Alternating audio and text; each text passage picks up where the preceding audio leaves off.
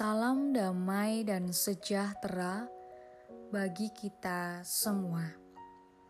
Saudara yang terkasih, hari ini kita akan bersama-sama merenungkan firman Tuhan yang diambil dari Matius 11 ayat 2 sampai 6. Di dalam penjara Yohanes mendengar tentang pekerjaan Kristus lalu menyuruh murid-muridnya bertanya kepadanya, "Engkaukah yang akan datang itu, atau haruskah kami menanti orang lain?"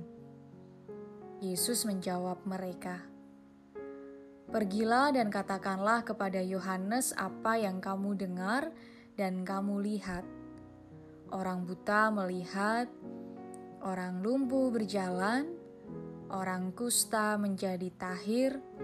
Orang tuli mendengar, orang mati dibangkitkan, dan kepada orang miskin diberitakan kabar baik. Dan berbahagialah orang yang tidak menjadi kecewa dan menolak aku. Dia tahu yang terbaik. Ekspektasi tidak selalu sama dengan kenyataan. Sering hal ini terjadi dalam hidup kita ketika kita sudah berharap akan sesuatu yang baik, tetapi kenyataannya yang datang adalah sesuatu yang kurang baik. Begitu juga ketika di dalam tahanan. Yohanes Pembaptis resah mendengar bagaimana sepak terjang Yesus yang tidak sesuai dengan visi dan ekspektasinya sendiri. Ia tidak mengerti dan menjadi ragu sehingga mengirimkan muridnya untuk bertanya langsung kepadanya. Engkaukah yang akan datang itu atau haruskah kami menantikan orang lain? Jawab Yesus sederhana. Lihatlah pada kenyataan yang ada.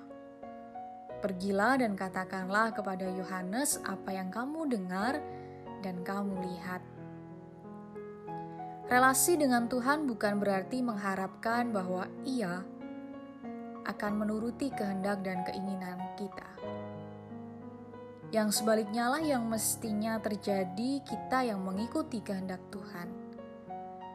Maka menyambut kedatangannya berarti pertama-tama bersedia untuk mengikuti kehendaknya dan percaya bahwa ia akan memberikan yang terbaik dalam hidup kita lebih dari apa yang kita bayangkan. Meskipun kadang tidak sesuai dengan keinginan kita. Mari dengan setia berjalan menurut kehendaknya, bukan kehendak pribadi kita.